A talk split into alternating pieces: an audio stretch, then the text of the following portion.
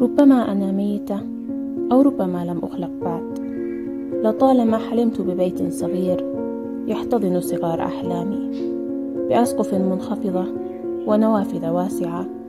أرضه وجدرانه وسلالمه وخزائنه وحتى أوانيه من الخشب. مقاعده من الجلد الأحمر القاني. وسائده من المخمل البنفسجي الناعم.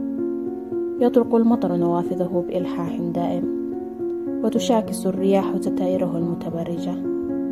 تتعانق في أرجائه رائحة العطور والقهوة والحب والسجائر. أضواءه تومض خافتة على استحياء. في جانبه مكتبة ضخمة على رفوفها أشهر الكتب وأندرها وسلم طويل يتكئ عليها. وطفل يحبو بين جنباته ويعبث في ترتيب الأشياء. ولأني كبرت بما يكفي لأفهم حقيقة الحياة. أدركت بأن المرتبة الأولى لا تكفي لأحصل على وظيفة والجمال وحده لا يكفي لأتزوج من الرجل الذي أريد.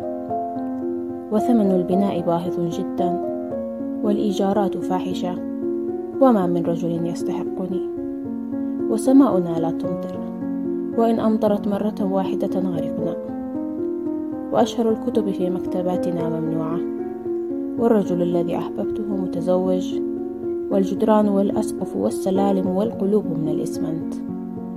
وثمن طباعة كتاب أوفر من ثمن فستان سهرة فبدأت أكتب والباقي ألقيت به عرض الحائط.